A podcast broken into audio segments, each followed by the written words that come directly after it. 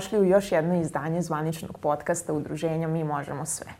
Danas imamo sreću i čast da ugostimo jednu nama jako bitnu osobu i pokušavajući da izbjegnemo onaj lični aspekt kada ne želim možda da ovaj uvod napravim samo za sebe, ipak sam odlučila da to uradim zato što danas je sa mnom Biljana Nedić, neko ko je za mene bio jako važan uzor i osoba na koju sam mogla da se ugledam u trenucima kada možda nisam baš znala šta ja želim od svog života i kako bi to moglo da izgleda i kada su možda sve situacije izgledale onako e, daleke i neprigledne.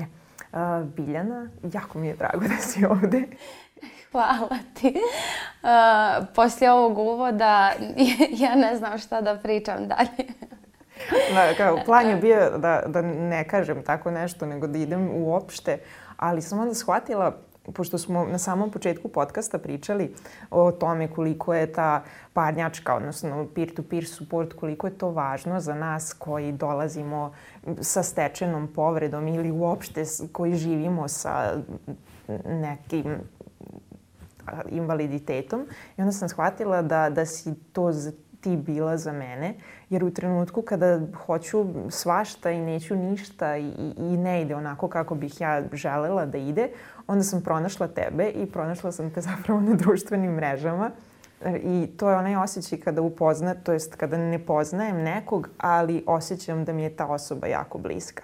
Tako da sad ovo ovako delim na prepad, ali u stvari znaš to sve i imale smo prilike toliko da, da razmenimo i ono što osjećamo jedna prema drugoj, koliko smo važne jedna drugoj, tako da nije ništa novo, ali možda ovako malo bilo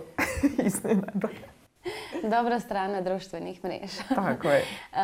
pa meni je na neki čudan način uvijek neprijatno kada neko kaže da sam ja nekome uzor. Kao šta imam sad nekome da budem uzor, zbog čega samo živim svoj život.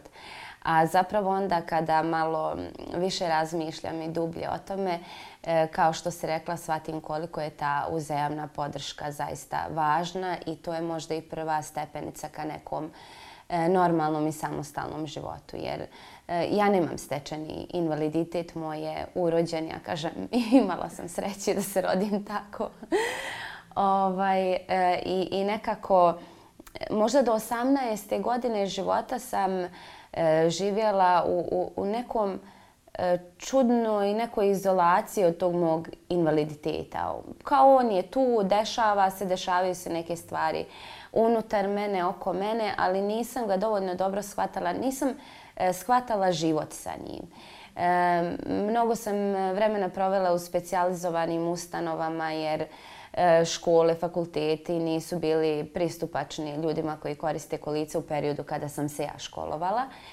I zaista sam bila fizički izolovana, da kažem, od svijeta koji se dešava. I kada sam e, počela da živim samostalno e, sa svojih 18 godina, e, vidjela sam koliko je svijet strašan, koliko su stvari oko mene nedostupne nekome ko koristi kolica. I prvi put sam zapravo tada počela i da živim bez obzira na sve te neke stvari koje su me možda u nekom trenutku ograničavale. Tako da sam prvi put naučila e, da sklopim sama kolica i ubacim ih u, auto upravo od ljudi koji su u kolicima.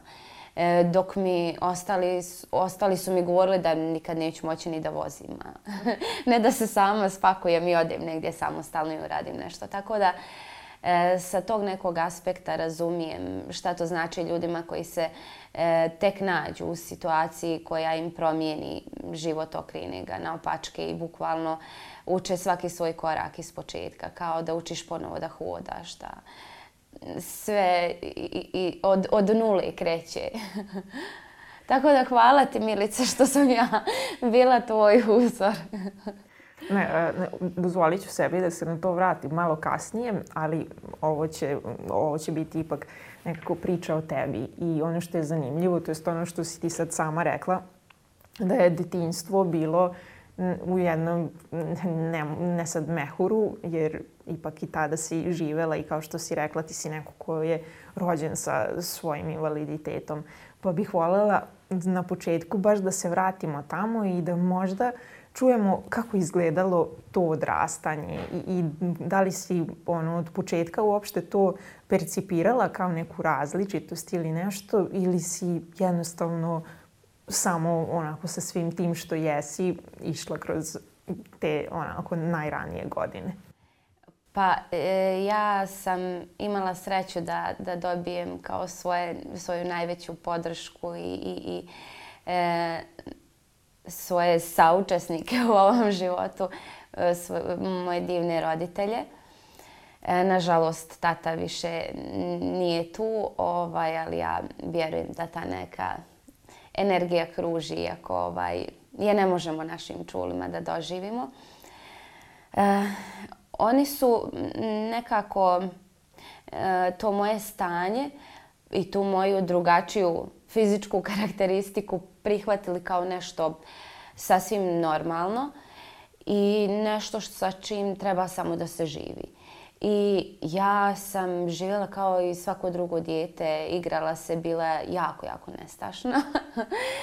da su u nekim trenucima znali da me zaključaju u kuću da bi nešto obavili vani, pošto smo mi živjeli e, na selu podno planine Vlašići u selu Ćurkovići. Ovaj, i, onda oni kada bi išli da rade u polje ili nešto, ja sam toliko bila nemirna da su morali da me zaključaju u kući. I ja bih pronašla način i izašla kroz prozor. I danas ne znam kako. Ovaj, stalno, stalno sam e, bila okružena sa mnogo djece. Svi oni su se na neki način prilagođavali meni, ali sve smo mi to činili nesvjesno. E, iz ove perspektive ja znam e, koliko je to bila velika stvar i šta su oni činili. E, na primjer, kada bi se grudbali, svi bi sjeli na sanke i grudbali se na taj način jer ja ne mogu da trčim. kada treba da se penjemo na neko brdo, dakle ćemo da se spustimo tim sankama, oni bi se svi potrudili da me izguraju. Jedni vuku, jedni gure, imam neke štapove pa se kao pripomažem.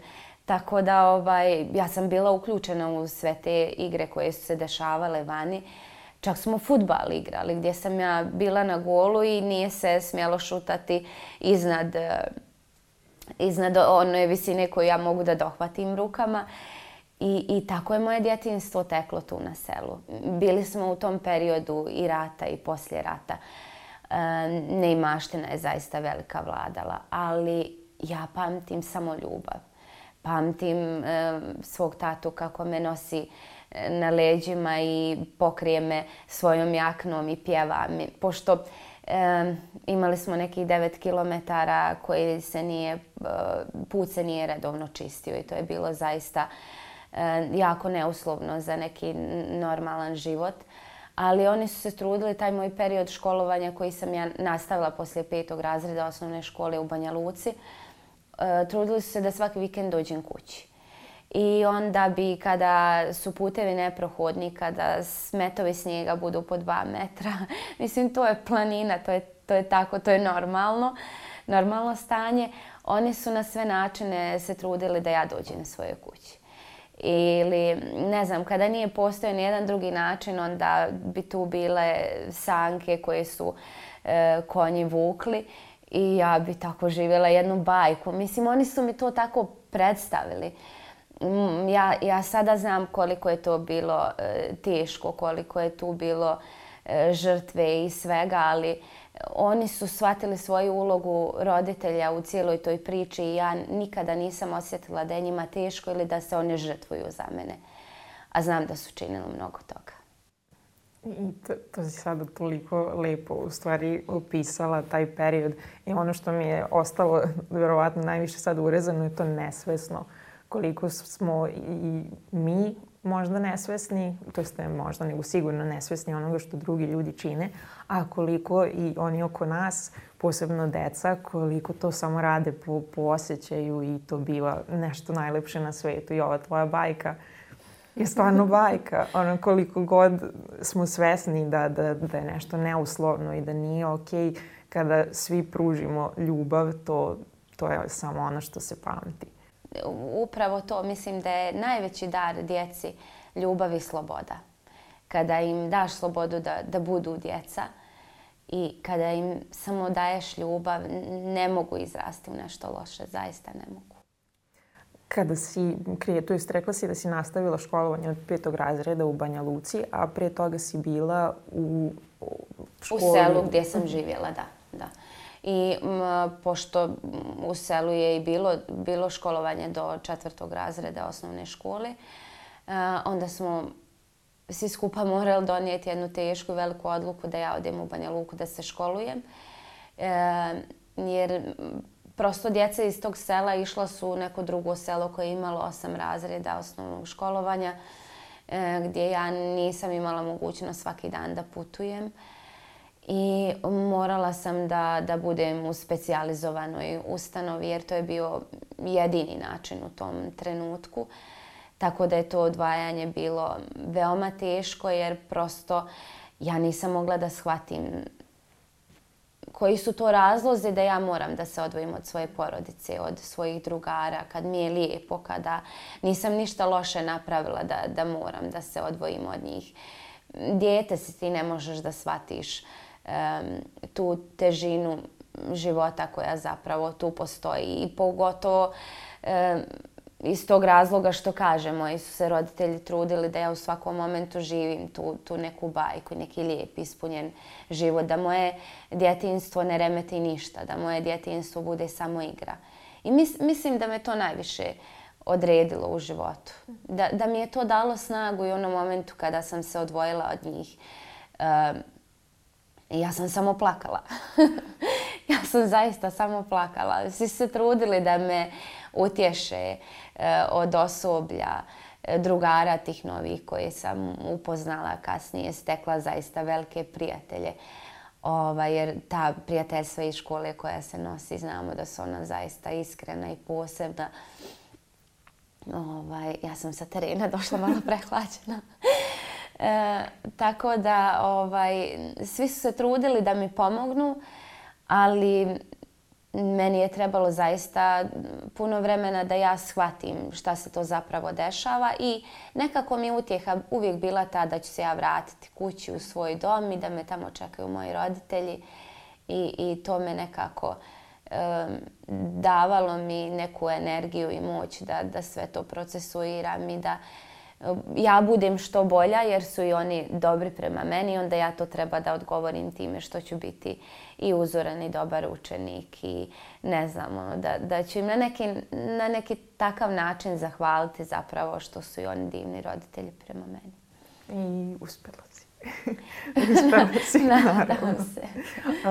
se. ja sad želim nekako još malo e, bolje da preciziram. E, dok si bila u selu, išla si redom, u redovnu školu kao i ostala deca, a u Banja Luci si bila u školi koja je specializowana Tačno.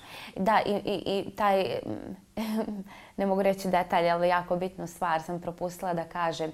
E, pošto je u, u, mom selu škola bila udaljena od otprilike jedan kilometar, e, i nismo imali nikakav prijevoz ni ništa slično do škole i ja sam krenula baš u doba kada se rat dešavao kod nas. E, moja majka je svaki dan mene nosila u školu i isto tako me vraćala kući. Tako da bi ona mene odnijela, ja bih ostala na časovima dok se ona vrati, pripremi mi hranu i sve već ponovo ide po mene, nosi me kući i tako sam četiri godine išla u školu. Na maminim lećima. Kako je onda, to jest, kako onda izgleda promjena u Banja Luci i u školi koja bi trebalo da može da pruži sve ono što je tebi potrebno za samostalno funkcionisanje?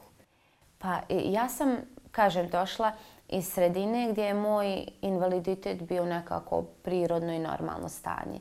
Dolazim u ustanovu gdje su e, djeca u nekoj sličnoj situaciji kao ja. Meni to na prvi moment malo bude čudno zašto samo mi tu moramo biti sami izolovani od svega. Opet kažem ti si uzrastu koji to baš ne može da, da prihvati tako. I e, i zašto nas zovu drugačijim imenima? Mislim, ja imam svoje ime i tako, tako se, e, to mi je identitet da sam ja Biljana Nedić, onda odjedan postajem neko dijete sa posebnim potrebama. I to mi biva jako čudno u tim momentima e, dok malo vrijeme ne, ne prođe i ti shvatiš e, šta se zapravo dešava. Tada sam i prvi put otkrila kolica, na primjer. E, do tada sam imala neke hesing aparate, malo sam se mučila na tim štakama. ne znam, svakako sam kompenzovala to što ne hodam, ali nisam koristila kolice i nisam imala uslove na selu da koristim kolica. E, tata mi je napravio neki improvizovani bicikl koji bi ljeti vozila i koji je uglavnom morao rukama da, kao neka starija verzija današnjeg modernog bicikla na ruke, da. A zimi bile su te sanke. Imali smo i konja. Ja sam i jahala u tom periodu. Mislim, to, to je bilo sjajno. Danas ljudi rade terapije na takav način. A ja sam to imala od ranog djetinstva i meni je konj bio jedna velika ispomoć zapravo, a nisam bila svjesna toga. Ja sam prosto ono, imala svog konja i to je bilo sjajno, zaista. Ovaj, tako da ja prvi put otkrivam kolica, eto sa nekih 12 godina i meni to izgleda super. Kao mogu brzo da se krećem, mogu da ponesem nešto, ruke su mi slobodne, mogu da prelazim velike relacije i, i slične neke stvari. I ja odlučim naravno da sjednem u ta licu jer zapravo ona, ona su meni pomoć.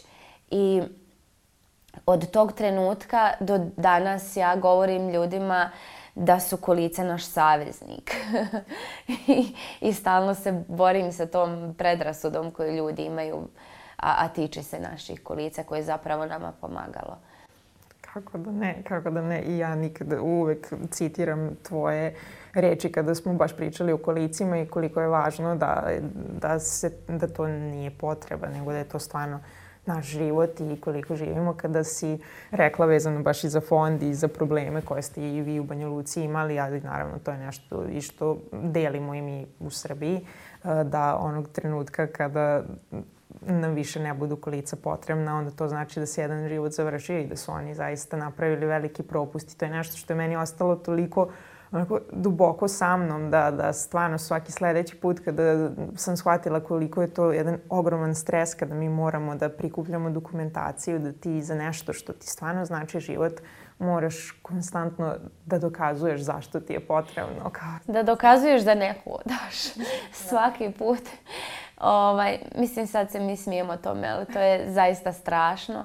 E, sa druge strane da kažeš ljudima da ti nisi bolestan i ne koristiš kolica da bi prešao samo od jedne tačke do druge, nego da su ona zapravo tvoj život i koja je razlika između bolničkih kolica, aktivnih kolica, da da, da si ti čovjek koji prosto e, je u takvoj situaciji da ne hode i da se kreće na drugačiji način. I kada pored svega toga su tu dokumentaciju e, prikupiš, izboriš se za to pravo da ti fond finansira ta sredstva, oni nađu da nešto nisi dobro uradio ili da neki papir nedostaje ili da nije važeći i odbiju te. I, i kada tebi dođe rješenje u kojem piše da su te odbili za invalidska kolica, to je, to je tako strašan moment, to u tebe ubije svo dostojanstvo, ubijete kao čovjeka, kao ličnost, kao ljudsko biće koje ima najobičniju potrebu da se kreće i da bude socijalno kao što mu to negdje i, i pripada. Ne, apsolutno. I, I onda smo nekako e, prebacili se u, u današnji period i to ko je danas Biljana i koliko ti, ono što je meni omiljena stvar, koliko ti lepo pišeš i na koji način ti sažima život i naj, onako, najbolji deo smo mogli tu negdje da čitamo i na tvom blogu i preko društvenih mreža, ali način na koji si ti prenosila svoje iskustva je meni bio jako značajan i ovo je sad moment kada se ja vraćam na, na svoj omiljeni deo, ali da, koliko je bilo značajno da vidimo konačno kako se nešto radi ili kako je neko prolazio kroz istu situaciju. Da li to bilo, moja omiljena, kada se ti spuštaš u podrum iz one stepenice, onako sediš i stepenik po stepenik na dole i prenosiš kolice ili tako nešto.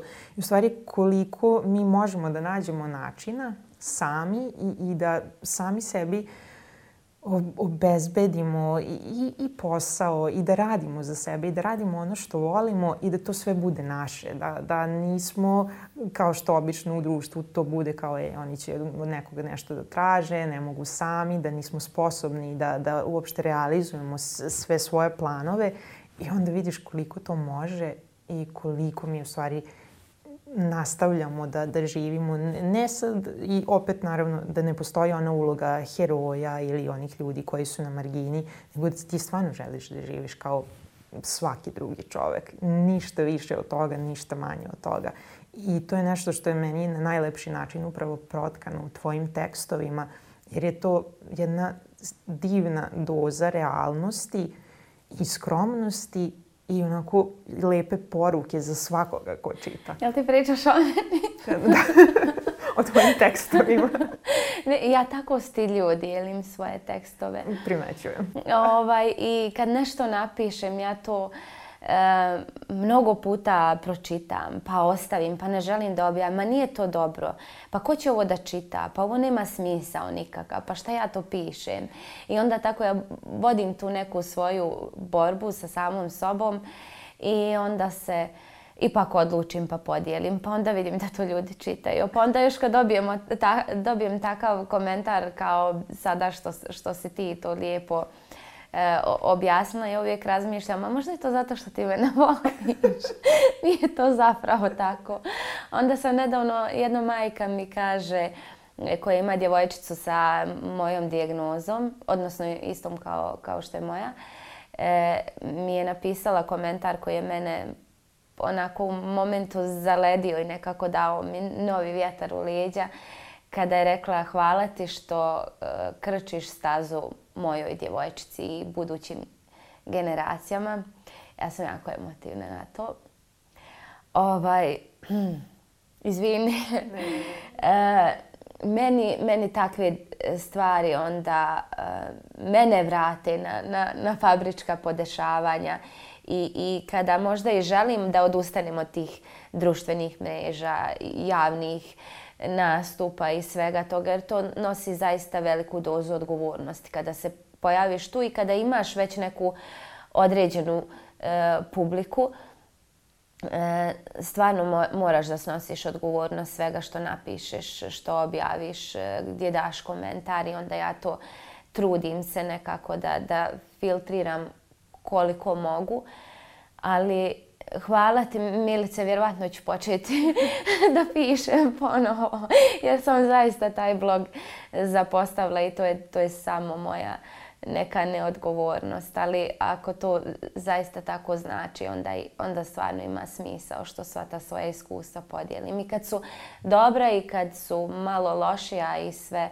jer nije sve tako sjajno. Svi vide kada si, da kažem, na nekom tronu, kada osvojiš neku nagradu, kada se tako nešto dešava, kada staviš tu medalju, tada svi aplaudiraju, a zapravo put koji si prošao niko ne vidi. On je zaista težak iz, dana u dan. I ono što si rekla nekako, ja se trudim e, i zašto sam uopšte tu u javnom prostoru, da kažem da, smo mi zaista e, korisni članovi društva ako nam pružiš priliku da to budemo. Da, to, to je ta poruka koju, i ovdje na neki način pokušavamo ne, možda u svakom razgovoru i sa svakim gostom ili gošćom da kažemo, ali je nešto što stvarno svako od mojih sagovornika i sagovornice je na svoj način rekao i, i mislim da, da će to i svima ostati jako, jako važno sad si pomenula medalje i, i, i sad si ovako, sad ćeš nas usmeriti u jedan drugi deo razgovora kada mi govorimo o tvojim medaljama i o tvojim velikim, to onim velikim stvarima u tvom životu koje su, um, osim toga što si naravno i, i, školovala se, zaposlila se, sve, sve uz ogromnu podršku tvojih najbližih, ti si neko ko je košarkašica, i od nedavno se baviš i plesom u kolicima, što je za sada zaista redko na ovim prostorima. Pa onako, šta počni od onog što ti najdraže? košarka, definitivno. Mislim, to, to je bila moja prva sportska ljubav i e, to je nešto što me kasnije usmjeravalo ka sportu. Ovaj, I pokazalo mi sve te beneficije koje sport donosi sa sobom. Eh, ali meni je moj Vrbas zaista druga porodica. Ja sam nekako ušla u tu priču jer mi je bilo interesantno da vidim da, da na kukulicima igra košarku. Eh, to je muški tim, eh, ženski ne postoji i meni je bila jedina opcija da budem sa njima. Ovaj, I ja sam naravno pristala zato što ja želim da igram tu košarku. Nebitno gdje i Isak imal, želim da igram košarku. I tako je sve počelo. E, predsjednik našeg košarkaškog kluba je danas i moj direktor, pošto ja radim u tvornice obuće u Banja Luci. E, negdje sam uporedu počela i, i da igram košarku i nekako sam se i zaposlila u, u tvornici u isto vrijeme. Evo već 14 godina radim tamo. Ovaj, tako da je, e, počevši od njega, e, pa sve do igrača, to je stvarno jedna velika porodica. I ja stvarno volim tu rečenicu iznova da ponavljam kao mantru neku da je to zaista najbolja odluka u mom životu koju sam napravila da, da se bavim sportom. E, 15 godina iza mene na terenu. E, mi smo zaista ne samo E, tako rečeno postali porodice, nego mi smo međusobno jedni drugima kumovi, e, ne znam, zaista ono bliski prijatelji, družimo se mnogo mimo terena.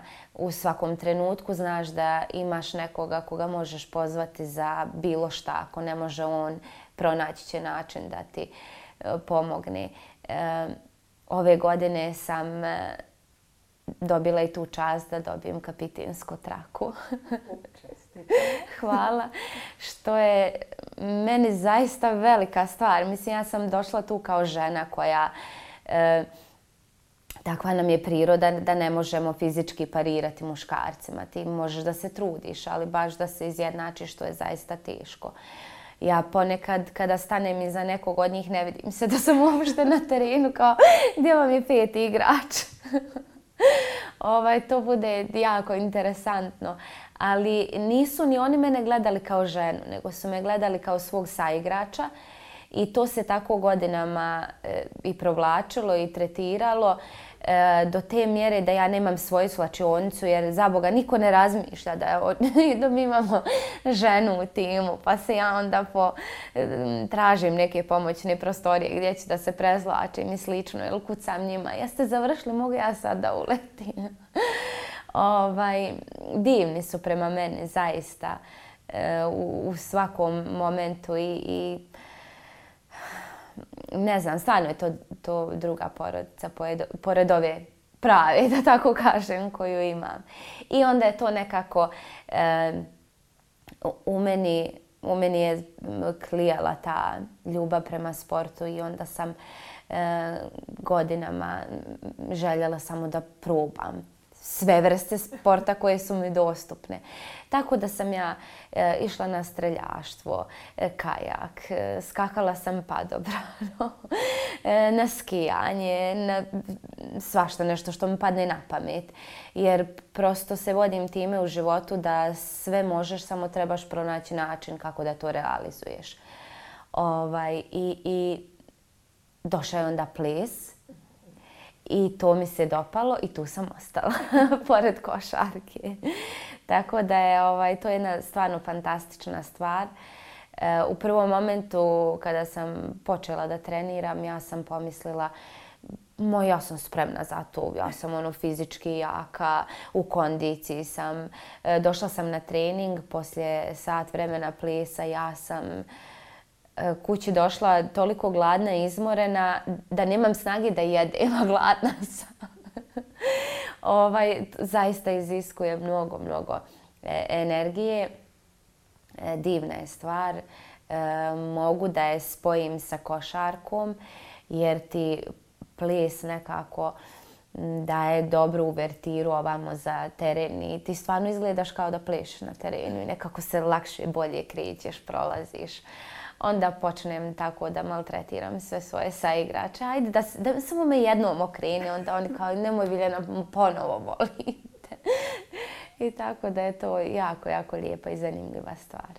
Košarka je druga porodica i sa te strane imaš puno saigrača i to funkcioniše onako timski, a kod plesa tu je tvoj partner Saša Jovanović. Jeste.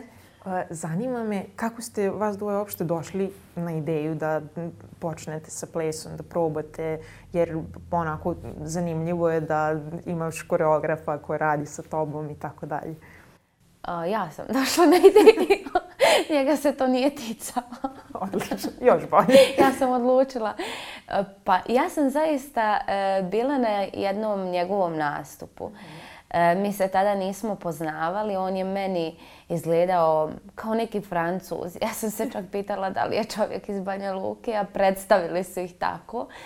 Ja sam njega gledala kako se on kreće tim podijumom i se i tada se negdje ta iskrica prema plesu pojavila. Ja sam odlučila da on bude moj plesni partner, a kada će kako to realizovati, vrijeme će donijeti svoje i zaista se tako i desilo. Mi smo se e, sretali na nekim sportskim dešavanjima počeli smo da govorimo jedno drugom dobar dan, što je bilo odličan uvod i prvi korak. onda e, je jedne godine e, kada se održavala Mona Revija u Banja Luci, e, naša organizatorka, doktorica Snježana, je ovaj, došla na ideju da mi eto to otvorimo i malo podignemo na jedan nivo plesom. I ona kaže, e, ja imam super e, e, plesača za to, da li će on pristati ili ne, kao ja idem da pokušam.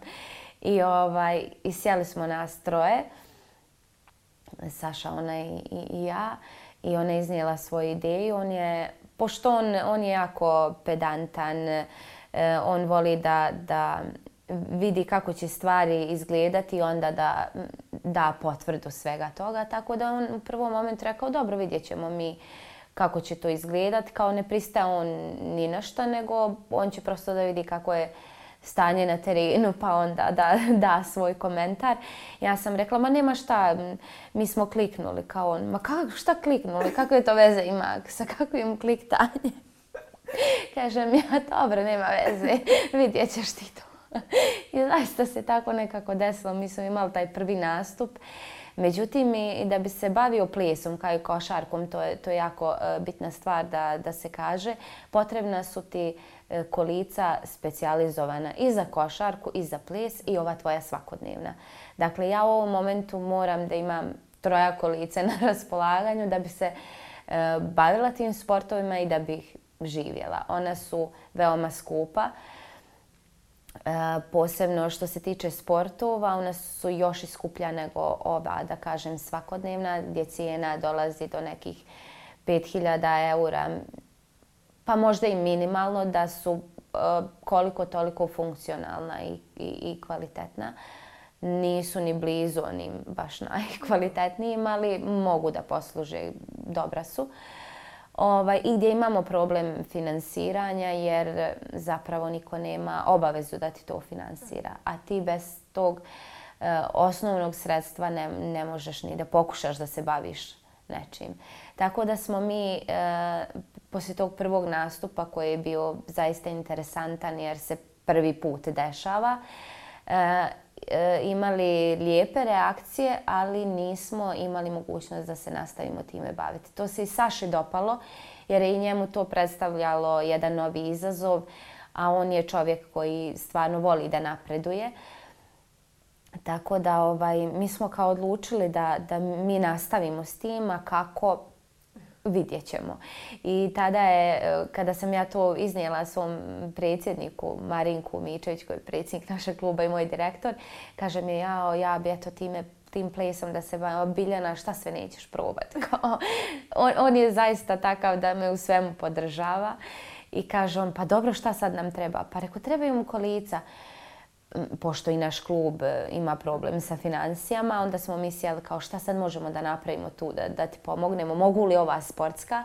I onda smo mi našli neka stara sportska kolica koja su meni bila prihvatljiva i moj kum je njih prepravio i doradio da ona meni budu koliko toliko funkcionalna na plesnom podijumu. I mi smo se tako pojavili na jednoj humanitarnoj večeri E, gdje su ljudi zaista bili oduševljeni jer je tu već kretnja bila i ljepša i bolja i brža. Ovaj, tu su već bili pravi plesni koraci. I ovaj, iz Ministarstva sporta su se javili i obećali da će da nam pomognu pri finansiranju tih kolica i mi smo uspjeli da ih kupimo. Tako da ovaj, smo se prošle godine predstavili Beogradskoj publici što je meni bilo zaista ovaj, čast, da, da e, bukvalno smo u dva dana, jedan dan smo plesali u Banja Luci, sljedeći smo bili u Beogradu, a već treći ja sam bila na terenu igrala košarku. I bilo je ljudi koji su me gledali dok sam plesala, onda su sutradan došli na košarku kao to su dvije žene. Ovamo se bila sva onako u haljini, sva si e, sređena, našminkana, nasmijana i dolazimo na teren gdje ti mijenjaš facu, sva si kao ono, ozbiljna, sva si borbena, kao, kao da se radi o dvije žene. I tako to otprilike kod mene izgleda. Ja završavam svoje e, dnevne obaveze na, na poslu, ovaj, sva onako poslovno odjevena i ulazim na teren sva sa, u dresu sa zavizanim repom i slično kao šta u pet minuta potpuna promjena. Transformacije kao Superman kada on skoči u govornicu i samo promjeni odelo. Ja, jako dobro. Uh, htjela bih možda za one koji slušaju da napravimo tu razliku čisto između jednih, drugih i trećih kolica jer imamo ova lako aktivna koja svakodnevno koristiš koja su, hajde da kažemo, lakša su i u njima se brže krećeš, mhm. kao i ja, kao i svako ko koristi lako aktivna kolica. A sad me baš zanima od tebe da čujem razliku između kolica za košarku i ova za ples. Da, e, pa ja često to ljudima e, pokušavam pojasniti i imam čak jedan tekst koji se tiče te razlike u kolicima e, jer su ona kao i cipele nećeš sigurno u patikama ići da plešeš. Dakle, svaka imaju svoju namjenu i da bi se bavio bilo kojim sportom ti moraš imati posebna kolica za taj sport. I ne možeš da koristiš od nekog drugog jer za ne koristiš ni tuđe cipele. Ne možeš ako nosiš 36 da 40 obuješ. Mislim, možeš, ali nemaju funkciju. Ovaj, ili još gori, još manji broj. Tako da, e, dakle, lako aktivna e, kolica nama služe za e, svakodnevnu upotrebu zato što su lagana, lako su sklopiva da mi možemo sami da manevrišemo, eto, ubacimo ih u auto, da, da smo pokretniji, da prevazilazimo sami neke male prepreke poput nekih trotoara i slično. E, koš, e, košarkaška kolica, odnosno generalno e, koš, za sportove kolica, one imaju taj peti točak koji ne dozvoljava da se Eh, izvrneš nazad, a zapravo ti to u lako aktivnim treba. Kada hoćeš da se podigneš negdje, da, to je nemoguće u ovim napraviti. I kad se izvrćeš na terenu, nikad ne ideš nazad, ideš saltu naprijed. Ili čak nekoliko, tako da to, to nam se stalno dešava. To je sastavni dio igre, da stalno ispadaš. ovaj, E, ona su sa zakušenim isto točkovima koja e, diktiraju tu stabilnost koju trebaš imati na terenu. I imaju taj e, jedan obruč ispred koji u stvari kada se sudaraš kao da pričamo o ragbiju, a ne o košarci, kao zapravo treniraš. E, kada se sudaraš u tim e, blokovima ili bilo šta kad se dešava na terenu, zapravo čuvaju tebe i to je taj neki prostor koji ti smiješ da dodiruješ, sve ostalo su faulovi. Ono što je interesantno za košarku je da su pravila e, identična kao sa standardnom košarkom i da je to zapravo samo iz sjedeće perspektive radiš. Tako da imamo, ljudi, ljudima to bude interesantno da čuju da je ista visina koša, da je teren isti, da, da imamo korake. Ne smiješ držati loptu na krilu kada tri puta okreneš e, točkove, to su koraci, moraš da je driblaš pored sebe i slično. E, kolice za ples su dosta slična recimo e, kolicima za košarku. Eh, s tim da su, da su ona malo, malo su manja, svedenija, eh, nemaju te, taj obruč jer partner treba da te bude blizu i nema potrebe da se sudaraš s njim. Doduše ja nekad pređem točkom Saši preko stopala, ali dobro, gaze ga i druge žene. ne samo ja. Ovaj, tako da e, svaka imaju svoju namjenu i ne mogu se koristiti za nešto drugo. Ovaj, tako da to mnogo košta i stvarno su nam te financije problema. Ljudi nekako ne shvataju te naše e, sportove dovoljno atraktivnim i onda i sponzora tu nema jer kao šta sad oni u kolicima igraju košarku? To svi razmišljaju, imaju tu predrasudu da je to sporo, da se mi nešto tako vučemo po terenu, da se bavimo time da bi izašli iz svoje kuće. E, što je poražavajuće u doba kada ljudi putuju na mjesec. Strašno je, mislim, kada smo toliko toga e, napravili, čovječanstvo je napravilo i kao napreduje, i kao civilizovani smo a zapravo nam je čudno što neko iz kolica radi nešto. Da, i mislim da u tome jako u prilog ide u ono što si rekla nešto ranije, da se ti 15 godina baviš košarkom u kolicima, da je Vrbas tvoj klub i tvoja porodica gdje ste vi osvajali neke jako velike i lepe nagrade. I onda, to je možda i sljedeće pitanje, zapravo koliko je profesionalni sport kod nas eto kao što si i sama rekla, da li nije dovoljno atraktivan ili možda nije shvaćen dovoljno ozbiljno da, da bi se više pažnje posvetilo? Pa mi ne možemo reći da se bavimo profesionalno sportom, jer profesionalac radi samo to i živi od toga. A sa druge strane, mi smo toliko posvećeni tome da to jeste profesionalno bavljenje sportom.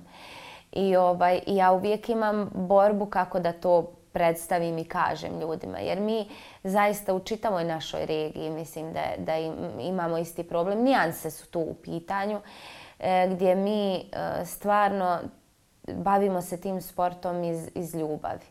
E, postoji određen broj sportista koji uspiju nekako da, idu malo više ka toj Europi i da ih neko zaista plati za to ali kod nas mi se borimo za, za egzistenciju naših klubova. E, I to je jako tužno zato što ima puno ljudi koji bi možda se i priključili i bili tu sa nama, ali nekako ne vide i ne vide se sve te beneficije na samom početku. Ti kasnije vidiš koliko ti je to doprinijelo prvo u tvom psihofizičkom stanju koje se e, zaista promijeni baš mnogo koliko tebe zapravo sport e, osnaži, koliko ti donese lijepih stvari, poznanstava, e, ta razmjera iskustava, prilika nekih koji, koji sigurno ne bi imao da nisi tu putovanje svega. Ali ne možeš ti to nekome reći ko, ko ovaj, kome se to život promijenio i tek je sjeo u ta kolici, ti mu kažeš za tu košarku i negdje je i glavno i osnovno pitanje ljudima, a šta ja imam od toga? I svi se nekako e, okreću ka tim financijama, a ti ne baš e, za početak ni kolica da mu daš da on izađe na teren koja su po njegovoj mjeri, jer moraju kolice biti po mjeri korisnika svakog. Tako da, ovaj, nažalost, ne možemo reći iz tog razloga da, da se profesionalno bavimo time, ali kada e, gledaš unazad, kada ja pogledam sebe, da 15 godina posvećujem pažnju tom sportu i da sam u sedam dana gotovo svaki dan u toj priči jer imam treninge vikendom su utakmice kada je sezona aktivna. Ovaj, to, to je prosto život moj. Sport je moj život. I nekako sam sve svoje obaveze i stvari podredila tom sportu. A zapravo nemaš taj moment iz razloga što ne živiš od toga, nego sa jedne strane se boriš za svoju egzistenciju, a onda poslije toga ideš da radiš to što ti se dopada.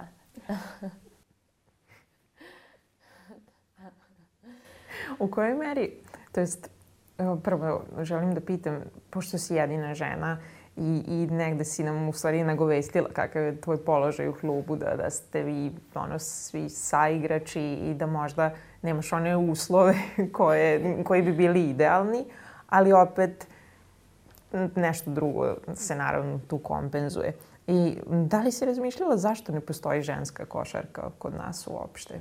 Jer znam da sam i ja pokušala i znam da su još neke devojke pokušavale, ali prosto nije zaživelo jer nas ni u jednom momentu da li nas nije bilo dovoljno, da li je falilo komunikacije. Kakav je tvoj utisak? Pa sigurno da ima više faktora, ali ja ću sada biti dosadna i stalno ponavljam tu riječ financije, financije, ali zaista jesu veliki problem. Ako jedan tim koji već ima neku istoriju, ima e, brdo nekih trofeja, velikih trofeja na nivou e, države, na nivou regije, Europe i tako se lijepo kotira tu i, i visoko je pozicioniran, govorimo o našem timu konkretno, i ima problem da financira samo troškove. Znači, opet kažem, ne govorimo o tom momentu da ti e, daš tim ljudima da žive od toga čime se bave. E, onda je to u slučaju žena još teži slučaj. U slučaju žena.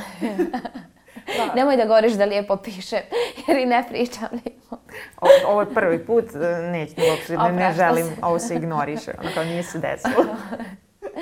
Da, e, mislim da je dakle, jedan i osnovni e, faktor upravo taj što e, ti sada niko ti neće isfinansirati pa bar pet kolica, to je 50.000, 25.000 eura, da ti istog ovog momenta da i kaže evo vi krenite. Mhm. Bar to. to. je ozbiljna cifra, a bez toga ne možeš da izađeš na teren. druga stvar je što su nekako Generalno žene manje su u sportu svuda i, treba ti dosta da ih animiraš. I onda bi mi trebali imati taj neki način da im nešto ponudiš, nešto im daš, nešto im obezvijediš da bi one bile tu. E, mi smo imali e, jedan klub u Sarajevu i nažalost te cure su se ugasile jer nisu mogle ni da putuju, nisu mogle da se nose sa svim tim, nisu mogle da se nose na terenu sa muškarcima. Jer one, nisu mogle doći do rezultata zato što su morale da se takmiče protiv muškaraca. I to je zaista teško. Lakše je tebi kada imaš jednu, dvije žene u timu pa se to nekako balansira dobro, ali kada imaš s jedne strane žene, a sa druge muškarci da se oni međusobno sastaju i takmiče, to zaista ne ide. Ako ne doneseš rezultate, niko te ne vidi u svijetu financija, ni što se tiče e, državnih institucija, lokalnih, sponzora nema svakako. No, prosto nekako primenjuje se ono što je inače u ženskom sportu, da, da nije jednostavno dovoljno prepoznat, dovoljno vidljiv. I ovo što si rekla, mi zapravo ne možemo ni da imamo ženske timove jer ne postoji liga, odnosno nemamo ženske timove koji bi mogli da formiraju tu ligu gdje bi se samo takmičile ženski timovi jedni protiv drugih, nego ovako kada idu ženski tim protiv muškog tima, prosto se ta razlika jako oseti i, i nije fair, nije ni realno, verovatno. Ti to mnogo bolje znaš jer ono, imaš i mnogo bolji osjećaj. Ja kao neko ko je malo uskočio na teren, tamo provozao, video, meni je bilo samo zabavno, ali to ono što si rekla, bilo mi je, iziskivalo je previše vremena da bih putovala u drugi grad, da treniram i da se vraćam i u tom trenutku svog života jednostavno nisam, nisam imala ni uslove, ni, nisam mogla ni da odvojim dovoljno vremena.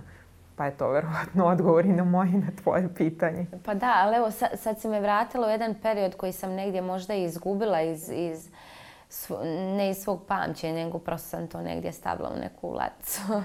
ovaj, ja sam u jednom periodu eh, imala neku pauzu kada sam prestala da radim i studije su onako tekle usputno jer sam ja i fakultet eh, prvo upisala koji nisam željela nego sam morala zato što je bio jedini pristupačan. I u tom periodu nekom možda eh, pola godine sam se vratila kod mojih na selo i provela gore. u tom periodu sam već trenirala košarku. Ja sam putovala tih 80 km na treninge i to je zaista iscrpljujuće u svakom momentu. I, i tom gdje ti treba zaista odvojiti novca da ti putuješ i vremena jer te to tebe pa skoro cijeli dan e, uzme tako da ovaj puno to traži ali generalno meni je sad lako jer sam ja godinama tu, navikla sam se, izgradila sam i svoj eh, um i svoje tijelo i, ono, mogu da se snađem u ekipi. Imala sam čak nekada i 40 minutažu. dakle, igrala sam cijelu utakmicu. Ovaj, ali na početku je zaista bilo teško. Eh, eh, Trebati puno više energije nego što momcima treba zaista treba. Ne, ne smije ništa da te boli. Nemaš takozvane ženske dane, kako to se... Toga ne, nema ničega. Postojiš ti teren i to je to. Ali se prilagodiš vremenom i opet kažem, najbolju sam sebi stvar uradila u životu što sam to odabrala. Eto, ali da, mislim, svaka čast, jer verujem da u stvari znam da, da si ti redka osoba ovdje ko, koja je toliko dugo Nemoj više. ok, neću Dovoljno se me hvalila na ovaj, početku. Neću više, nego želim da čujem sada planove za Place, da kažem da je bilo predivno gledati vas u Beogradu. To je bila onako e, na izgled slučajnost, ali neko je umešao prste, znamo i ko ovdje prisutna Tina. I zbog toga smo svi onako dobili bar malo onaj tračak kako to sve može da izgleda. Pa me sad zanima eh, kakvi su planovi za budućnost, da li vežbate, trenirate, da li ste nešto već onako pikirali da vas čeka, da li uopšte imate takmičenja na vidiku, o čemu razmišljate? E, mi smo željeli paraolimpijske. mi, nismo uopšte skromni. Zašto?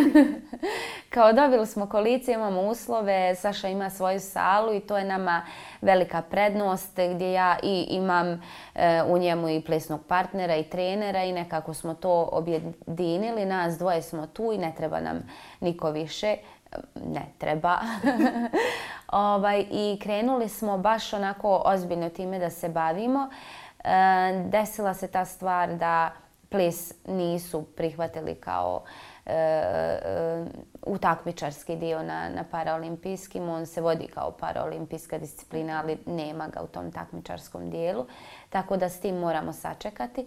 E, druga stvar je ta da sva takmičenja su na europskom nivou, jer regija nema ljudi koji se bave plesom u kolicima, nažalost.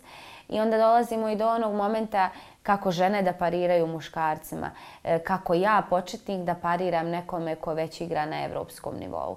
I to je zaista teško i moraju ozbiljne e, pripreme da, da se dešavaju da bi izašao na to takmičenje i napravio nešto jer ne želimo zaista izaći samo da se pojavimo. Ovaj, tako da smo mi krenuli ozbiljno da radimo. E, brzo smo napredovali, nekako intenzivno je, su krenuli ti naši treninzi, ali ja sam uporedu e, nastavila sa košarkom bez e, ikakvih ovaj, ustezanja i tamo i, i na terenu i na plesnom podijumu sve ništa nije falilo i nigdje me nije nedostajalo i ovaj, pošto su mi eh, krenula takmičenja i imala sam onako jedan težak period i što se tiče posla i što se tiče eh, obaveza eh, sportskih i svih ostalih i porodičnih i u jednom momentu sam dobila ozbiljnu povredu. Dobila sam taj teniski lakat koji je tako mu puno treba da se izliječi i sve se svodi na mirovanje što je u mom slučaju gotovo nemoguće. Mislim, i pokušali smo sa opcijom da budemo banji neke tri sedmice pa da to probamo izliječiti, ali e, kada tebi ruke služe za, tvoj život i, i one najosnovnije stvari, ne možeš prosto ruku da staviš u neku langetu e, neki duži period da ona miruje prosto svoje tijelo nosiš na svojim rukama tako da ovaj, ništa nisam napravila. ovaj, vratila sam se i onda smo, e, pošto se u košarci bližila velika takmičenja i završnice e, kako te naše domaće lige Bosne i Hercegovine, tako regionalne NLB i bili smo domaćini preliminarnog dijela Eurokupa.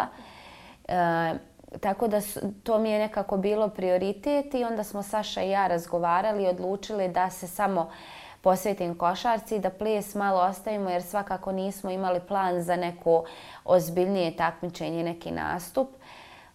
I onda smo ples malo stavili po strani, nažalost, ali ne u toj mjeri da, da se uopšte ne bavimo plesom ili da nemamo neke planove, ali svakako mislim da ćemo u ovom periodu više se bazirati na, na neke revijalne nego na takmičarske dijelove jer prosto ne možemo to sad iznijeti. To zaista traži puno, puno obaveze, posvećenosti. Eh, a sa svim onim čime se ja bavim, najveći problem je to vrijeme nekako ga fali uvijek. Koliko, koliko god ta 24 sata zaista je mnogo i može puno toga da stane kada čovjek se lijepo organizuje, rasporedi, odredi sebi prioritete. U nekom slučaju, evo, malo je. malo je, malo je za, za mm. sve ono, samo što smo danas spomenuli, ja ne mogu da zamislim kako se nađe prostora u jednom danu, u tih 24 sata za sve i da stigneš da se naspavaš ili bar da odspavaš, ne moraš da budeš skroz ne moraš se naspavati. Šalim se malo, ali stvarno, stvarno je to toliko aktivnosti i, i Drago mi je što si upravo da stigneš ovdje ponavljam sada. ovaj, dotakle smo se jako puno tema i, i zapravo mi je prebrzo prošlo vreme, ali ovako kao neki rezime mali, ta ona nestašna biljana iz detinjstva koja je iskakala kroz prozor i morali su da, da je zaključaju u kuću kako bi mogli da obave roditelji svoj posao. I ova sada, Biljana. Koja iskače ne kroz prozor, nego ispada. padobrana. Da, e, šta bi, šta bi rekla toj maloj Biljani? kako bi je, to jest ona je već bila spremna na sve ovo, ja verujem da, da to nije sad velika toliko razlika između vas dve. Pa ovo što sam sad spomenula, hvala joj što je iskočila kroz taj prozor, jer sam samim tim e, odvažila se da iskočim iz aviona sa, sa 3000 metara i bilo mi je sjajno i kada sam se prizemljila ja sam rekla joj ja bi opet. ali ovaj, ne znam, mislim da bi joj samo rekla hvala što je uvijek bila tako svoja bez obzira na, na sve ludosti i nestašluke i, i sve ostalo, jako sam e, srećna i ponosna što sam djetinstvo provela na selu.